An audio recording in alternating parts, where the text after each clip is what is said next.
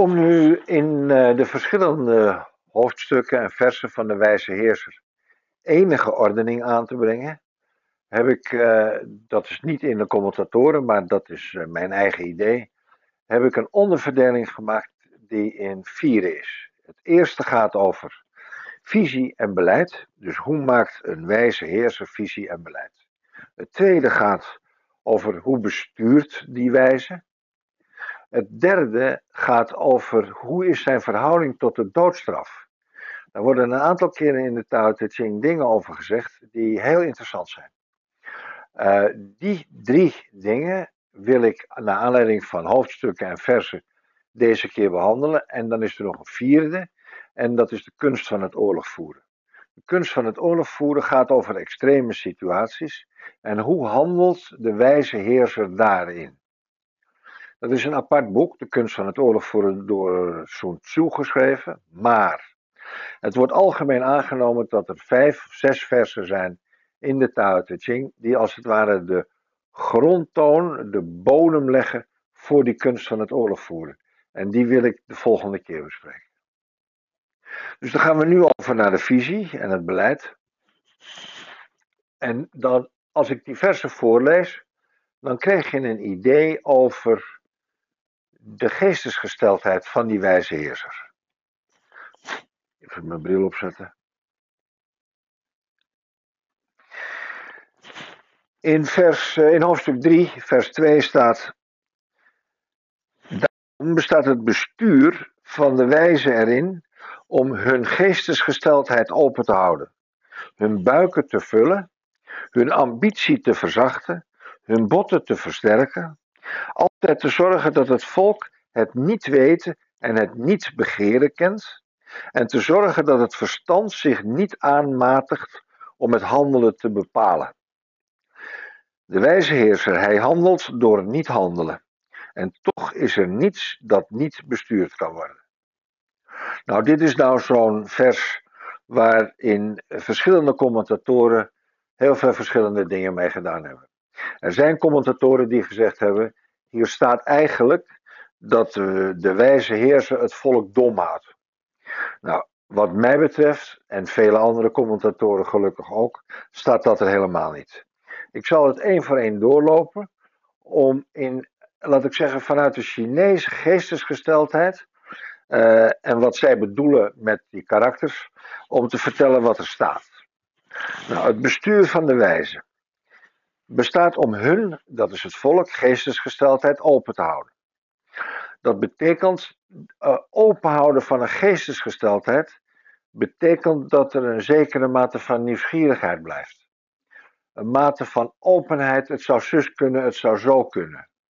De vervormingen ervan zijn twijfel en niet weten, maar uh, het openhouden, vandaag de dag in hele moderne termen praten we over open systemen en gesloten systemen.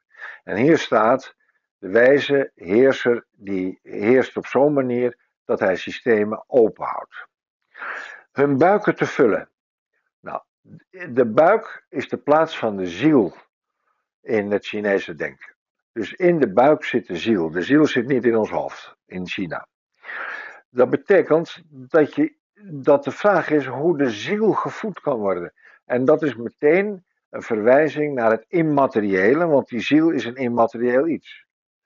Nou, dus dat is de taak van de wijze heerser, om de ziel van de mensen te voeden. En de vraag is, hoe doet hij dat? Dan ga je van visie naar beleid en van naar uitvoering. Het volgende wat de wijze heer is, hun ambitie te verzachten. Dat betekent dus niet altijd concurrentie. Dat betekent tot op een zekere hoogte concurrentie, maar in principe moet je dat verzachten en niet verharden. Wat vandaag de dag heel sterk gebeurt, is dat alles in competitie met alles is. Hun botten versterken, dat, dat zou lichamelijk zijn. Dat betekent dat je structuren waarin het lichaam zit, maar structuren waarin de mensen opereren, gemeenschappen, uh, uh, triaspolitica, de, de structurele regelgeving van de grondwet, dat die versterkt wordt. En dan komt de zin waar veel over te doen is geweest. Altijd te zorgen dat het volk het niet weten en het niet begeren kent. Dat is vaak vertaald door Confuciaan. Dat is het volk zorgen dat het volk niets weet en dat het niets begeert. Dat betekent dat ze heel stom moeten blijven. Nee, hier staat, en daar ga ik volgende keer over praten. Een van de diepste uitgangspunten van het Tao Te een grondtoon, gaat over het niet weten. Het niet weten betekent ongedifferentieerd kunnen blijven. Uh, dat betekent dat het open kunnen houden, dat haakt aan bij het eerste. En het niet begeren betekent uh, dat je uh, niet opgewonden raakt van allemaal dingen die je niet hebt en die je toch wil hebben. Of om het anders te zeggen, dat je leert om tevreden te zijn. Nou, en dan te zorgen dat het verstand zich niet aanmatigt om het handelen te bepalen. Hier staat dus heel erg duidelijk dat het verstand niet uiteindelijk bepaalt wat er gebeurt en niet. Nou, dat is een wijze heerser. Dat kan je op jezelf plakken en dat kan je plakken op een, eh, op een, uh, uh, op, op, op een land of op een organisatie. Wanneer krijg je nou de indruk dat het verstand het doet? Dat is als het heel droog is. Als het helemaal klopt, maar je voelt het, dat het kaal is. Het lijkt alsof de gevoelswereld niet bestaat. Het lijkt alsof de kleuren niet bestaan. Er zijn sterke zwakteanalyses en dat is sterk en dat is zwak en dan doe je zus en dan doe je zo. Nou, en dan kan je niks anders dan dat doen. Zo zit het leven niet in elkaar. Het is gecompliceerder dan dat, maar ook veel mooier dan dat. En dan als afsluiting staat hier: hij handelt door niet handelen. En toch is er niets dat niet bestuurd kan worden. Dus dat betekent niet dat hij alles maar laat gaan. Het betekent dat hij kijkt, dat hij alles in zich opneemt, dat hij voelt wat de mensen voelen. En op het moment dat hij als leider dat doet, dan neemt hij als het ware de collectiviteit neemt hij op zich. En belichaamt hij een collectiviteit en van daaruit krijgt hij een spontane reactie. En dan zegt hij: Het lijkt me verstandig om die richting uit te gaan en dat te gaan doen. Dat staat in vers 3, 2 en 3 over eh, de wijze heerser als visie en beleid en over besturing van het land. Om nog verder te gaan met de wijze heerser uh, uh, betreffende het materiële en het immateriële. Daarin uh, behandel ik nu hoofdstuk 12. Hoofdstuk 12 gaat over zintuigen. En die zeggen iets heel wonderlijks. Zintuigen in het Westen of in, de, in het materiële zijn zintuigen het belangrijkste. En als, je dat niet, als je iets niet kan proeven of niet kan zien, dan bestaat het zelfs niet. Nou, het is duidelijk dat in de Tao King er heel veel subtiele gebieden bestaan, waarin het zelfs de vraag is of uh, de zintuigen daar nog zinvol bij zijn. Het antwoord erop is nee. In vers 12 staat het volgende. De vijf kleuren maken de mens blind. De vijf tonen maken de oren doof. De vijf smaken maken de mond rauw. Paardenrennen en jagen maken geestesgesteldheid gek. Moeilijk te verkrijgen goederen veroorzaken hinderlijk gedrag. Hierin zie je dus dat de, in, in China praat men over vijf kleuren en vijf, tonen. Dat, is een, dat zijn een systeem. Vijf elementen uh, theorie is dat. En hier staat eigenlijk dat als je je te veel op de zintuigen richt, dan gaat het niet goed met je. Paardenrennen, dat is om, uh, om geld te verdienen. Uh, en jagen, dat is om, om wild te verkrijgen. Die maken de geestesgesteldheid uh, gek. Moeilijk te verkrijgen goederen, dure goederen, veroorzaken, en dan staat het heel erg mooi, hinderlijk gedrag. Dat, dat, dat is voor de wijze niet leuk. Dus dit in acht nemend weet de wijze heerser het volgende. Daarom handelt de wijze vanuit zijn buik en niet vanuit zijn ogen. Daarom verkiest hij dit, het eerste, en verwerpt hij dat, dat laatste. Het eerste is dus het handelen vanuit zijn buik. En het tweede is het handelen vanuit zijn ogen, vanuit de zintuigen. En hier, dit is, deze tekst is 2500 jaar oud. En vandaag de dag is het heel erg uh, in, alle 30, 20, 30 jaar, om het te hebben over de gevoelens in de buik.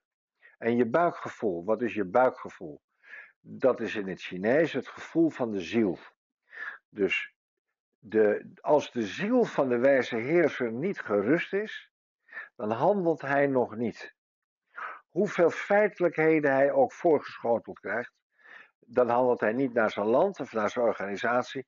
En ook als mens handel je niet als je alleen maar droge feiten tot je beschikking hebt. Maar als je ziel niet meedoet, uh, dan moet je stoppen nog met handelen. Dat is vers 12.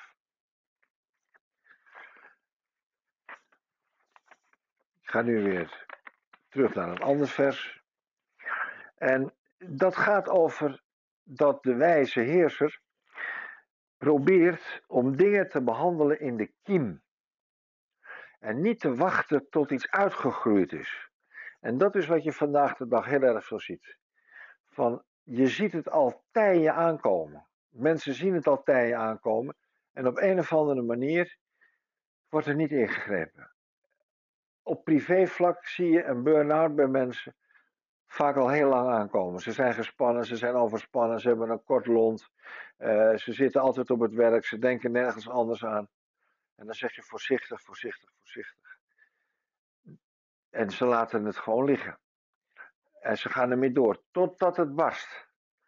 De Tao King is ervoor, heeft twee versen eraan besteed, om te vertellen dat je het in de kiem moet behandelen en waarom. En dat is eigenlijk, als je het zo leest, heel interessant. En dan is de vraag aan jou: herken veel meer de kiemen van de processen die gaande zijn, zodat je nog in kan grijpen. Het zijn vers 63 en 64 en dan staat het volgende. Het moeilijke in kaart als het nog gemakkelijk is. Behandel het grote als het nog klein is. Moeilijke zaken in de wereld moeten afgedaan worden als ze nog gemakkelijk zijn. Grote zaken in de wereld moeten afgedaan worden als ze nog klein zijn. Dat is waarom de wijze tot aan het eind van zijn leven niets groots doet. Daarom kan hij volle grootheid verwerven. Dus hierin zie je dat um, als je in de kiem ingrijpt, dan blijf je als het ware in evenwicht. En je doet niks groots. Je, het is niets dat, oh wat ongelooflijk. Je haalt niets, je sleept niets voor de poorten van de hel weg. Uh, je doet niets op het aller, allerlaatste moment zodat het enorm groot is. Je doet het al lang van tevoren als het nog klein is. En die kiemen weghalen, dat is het belangrijkste voor een wijze heerser. Er is een prachtige anekdote over een arts uh, uh, over kiemen. En uh, er was een lijfarts van de keizer in China. En die raakten met elkaar in gesprek na een tijdje. En de keizer zei: Nou, komt u uit de familie van helers? Toen zei hij uit: Ja, ik kom uit de familie van helers. Nou, zei die keizer: Dan zult u wel de beste zijn. Want ja, u bent nu aan het hof en ik heb u van u horen spreken. En toen zei die lijfarts: die zei, ja, uh, keizer, dat is niet helemaal waar, want het zit eigenlijk als volgt. Uh, ik ben bekend omdat ik, uh, ik, heb een, ik ben bekend om een aantal dingen, maar mijn oudste broer is eigenlijk de beste heler. En het rare is, die kan dus ziektes zien als ze nog in een kiem ergens zitten, als ze er nog helemaal niet zijn. En dan gaat hij zitten en dan doet hij zijn ogen dicht en dan haalt hij die kiemen weg. Maar zijn bekendheid gaat niet verder dan het dorp. En, dat, en dan heb ik nog een tweede broer. En die tweede broer, die ziet kiemen, maar dat is ietsje later, als de eerste, allereerste symptomen er zijn. En dan geeft hij een pilletje en dan, dan zet de ziekte als het ware niet door. Die is bezig met preventie, die is bezig dat het, dat het niet. En, en in, zijn, in zijn district worden de artsen, dat was vroeger ook zo, betaald naar het aantal gezonde mensen wat ze hebben en niet naar het aantal zieke mensen. Dus vandaar dat ze veel preventief bezig zijn. Dat is mijn, uh, mijn uh, ene oudste broer. En dan kom ik. En eh, ja, ik doe spuitjes en ik masseer en ik ken de acupunctuurpunten. En ik, maar dat is omdat als de ziekte zich heel erg geuit heeft, dan kom ik eigenlijk pas aan de beurt. Dus ik beschouw mezelf als de minste heler van onze familie. Nou, dit gaat over ingrijpen in de kiem. Dan is er nog een vers, dat is vers 64. Wat vredig is, is makkelijk te handhaven. Wat nog geen teken gegeven heeft, is makkelijk te plannen. Wat broos is, is makkelijk te versplinteren. Wat klein is, is gemakkelijk te verspreiden. Handel als het nog niet gebeurd is, bestuur als er nog geen wanorde is. Hier staat eigenlijk hetzelfde als in het vorige vers. Als je dit toestaat, dan besef je hoeveel keren we dingen die volkomen in de loop van de verwachting liggen, door laten gaan en door laten etteren, tot het enorme wonden heeft veroorzaakt. Je kan eigenlijk zeggen dat bestuurlijk alle, ehm, alle eh, dingen waar parlementaire enquêtes over zijn, dat dat dingen zijn die al lang en al lang en al lang mensen hebben zien aankomen. En die eindeloos hebben doorgeëtterd en dan nu nog eens onderzocht worden waarom het gebeurd is. Uh, dus dit, dit, dit zet ons aan om werkelijk um, na te gaan uh, wat de kiemen zijn die zich in ons ontvouwen, die zich in de relatie ontvouwen, die zich in een land ontvouwen. En het denken daarover en het discussiëren daarover is van heel erg groot belang. Nou, dan is het volgende uh, dat het gaat, naar aanleiding van het eerste, waar je de geestesgesteldheid openhoudt en dat je ambitie uh, verzacht. En dat is vers 2, hoofdstuk 72, vers 1. Als de mensen de destructieve kracht, die ook inherent aan het leven is, niet vrezen. Dus er staat in het Chinees: als de mensen de kracht niet vrezen. Het is heel duidelijk in de commentaren dat het hier gaat over de destructieve kracht, die ook inherent aan de mens is, niet, die inherent aan het leven is. De dood bestaat, geweld bestaat. Als je dat probeert te ontwijken, zoals wij nu in het Westen proberen te ontwijken. Nee, wij hebben geen conflicten. Nee, wij willen dat niet. Nee, de dood bestaat helemaal niet. Nee, de ziekte bestaat niet. Dan komt het punt dat die kracht zo groot wordt dat zij niet te beperken zijn tot de plaats waar ze leven, die mensen. Dus die kracht wordt zo groot dat zij niet te beperken zijn tot de plaats waar zij leven. Dan komen er, staat hier, vluchtelingenstromen op gang. Dus op het moment dat, dat, dat Afrika zo lang de destructieve kracht ontkend heeft en geprobeerd heeft te overleven, en het Westen dat ontkend heeft, dan komt er een moment dat die kracht zo groot wordt dat zij niet te beperken zijn tot de plek waar zij leven. Dat betekent dat zij zeggen: alles, maar dan ook alles is beter dan hier, niet hier. En dan gaan ze onderweg. Het gaat erover dat zij dan niet te verzadigen zijn met hun eigen middelen van bestaan. Dus het is nooit genoeg. Het is omdat ze onverzadigbaar zijn geworden dat ze niet te verzadigen zijn. Dus daarin lijkt het een cirkelredenering, maar het gaat erover dat die destructieve kracht van mensen, begeerte, kan heel erg groot worden. Dat kan terecht zijn, zoals in Afrika, namelijk dat je niet te eten en te drinken hebt. Maar het kan ook volkomen onterecht zijn door een consumptiemaatschappij, waarin je opgefokt wordt om steeds meer en meer en meer en meer te doen. En dat je dan totaal onverzadigbaar bent en dat is de bedoeling van alle advertenties en dat is de bedoeling van de consumptiemaatschappij. En dan zit je daarna vast. De wijze heerser probeert dat te niet te doen. Probeer dat te neutraliseren. Die wijze heerser zou het vaderschap moeten zijn ten opzichte van kinderen, zou op scholen moeten zijn, zou in organisaties moeten zijn. Nou, dit gaat over uh, de visie en de besturing. Het volgende wat we nog behandelen is dat, uh, hoe ziet die man eruit? En wat, wat, wat, wat, uh, wat, wat doet hij? En dat wordt in vers 17, of hoofdstuk 17, heel erg mooi gezegd. De beste heersers zijn niet bekend. Daarna komen zij die geliefd en geprezen zijn. Daarna die gevreesd worden. En daarna zij die veracht worden. De beste heersers zijn niet bekend. Dat hebben we pas gezegd, die grijpen in de kiem in. Die, die, die zitten op de achtergrond en grijpen in de kiem in. Die komen nooit op de voorgrond. Daarna komen zij die geliefd en geprezen worden. Oh, wat een fijne man. Dat is waar alle pols op, uh, van de verkiezingen op gebaseerd zijn. Daarna zij die gevreesd worden, dat zijn de dictators. En daarna zij die veracht worden, dat zijn uh, hele slechte dictators. Ja? Dus uh, dit is de volgorde van heersen. Het niet bekend zijn is het beste wat je kan doen als je heerser bent. Vers 57 staat daar ook iets over.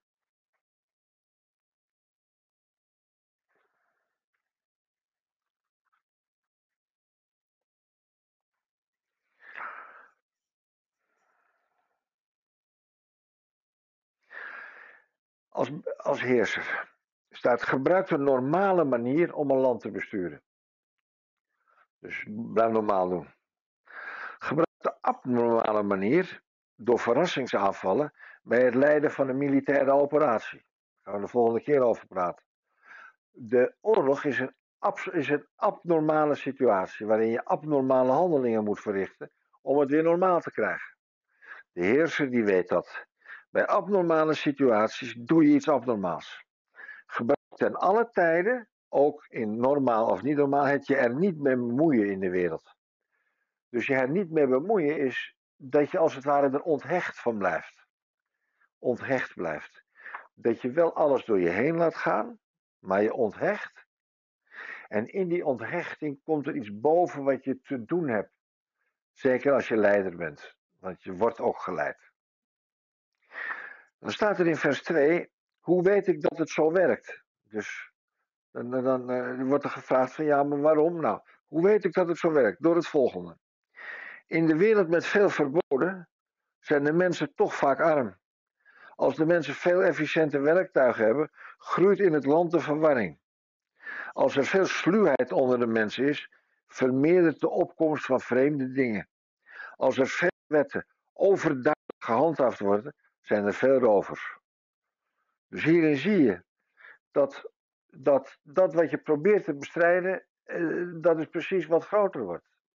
Als je dat weet, dan gebruik je de normale manier als het normaal is. De abnormale manier en je bemoeit je, je onthecht je. Dat weet je hierdoor. Nou, als we zo naar onze eigen maatschappij kijken op dit moment, um, dan uh, hebben we nog veel te doen en dan is, we hebben niet, worden we niet geleid door wijze heersers.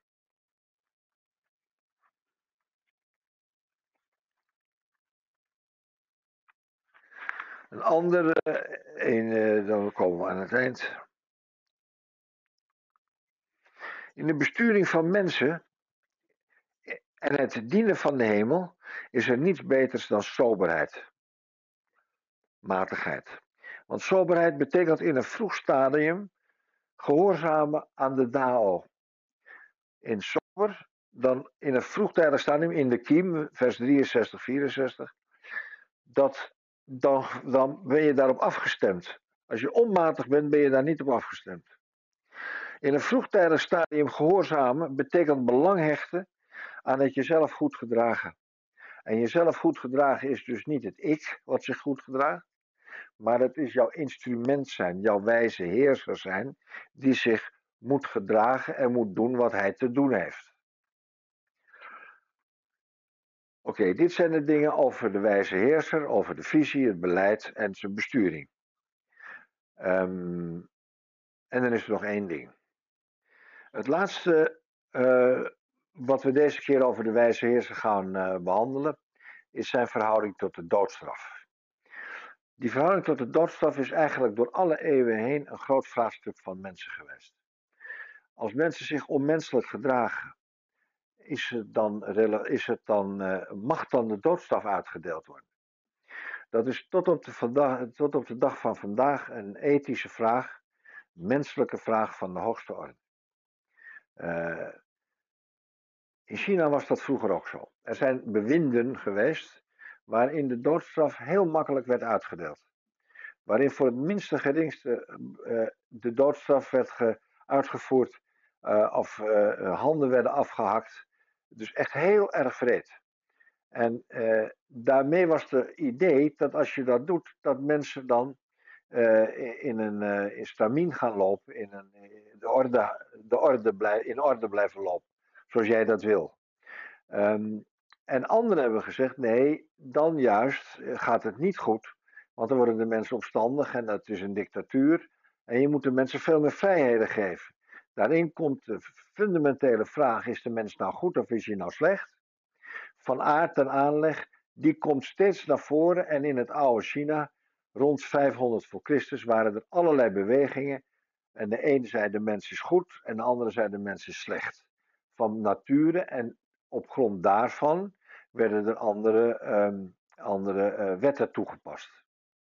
Nou, de Tuiten King heeft zich daarin gemengd uh, uh, als, als geestesgesteldheid en heeft gezegd in hoofdstuk 74: Als de mensen de dood niet vrezen, wat voor zin heeft het dan om hen bang te maken met de doodstraf? Dus als je er zijn mensen die het zo armoedig hebben dat ze de dood niet vrezen. Je kan zeggen dat uh, mensen die uit Afrika op de vlucht zijn, die vrezen de dood niet meer. Dus om die te zeggen, als je weggaat, dan krijg je de doodstraf, dat houdt ze helemaal niet tegen. Als ervoor gezorgd wordt dat de mensen de dood altijd vrezen, pak en dood ik alleen diegenen die zich dan nog verdorven gedragen. Wie wacht het dan nog? Dus het gaat hier om dat er voor gezorgd moet worden dat de mensen de dood vrezen. En dat, dat, is niet angst aanjagen. Dat is, om met de Tao King te spreken in hoofdstuk 20, vers 2, daar staat, dat wat de mens vreest, kan niet niet gevreesd worden. Er is nu eenmaal onontgonnen gebied, daar komt geen einde aan.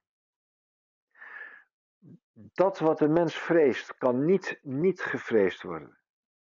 Er is nu eenmaal onontgonnen gebied, daar komt geen einde aan. Voor de mens is afscheid nemen lastig. Voor de mens is ziek worden lastig. Voor de mens is geen eten en drinken hebben, honger lijden, heel erg lastig. Dat zijn allemaal mogelijkheden die in het leven echt bestaan en die vele mensen overkomen. Wij gaan allemaal dood. Uh, wij kunnen allemaal ziek worden.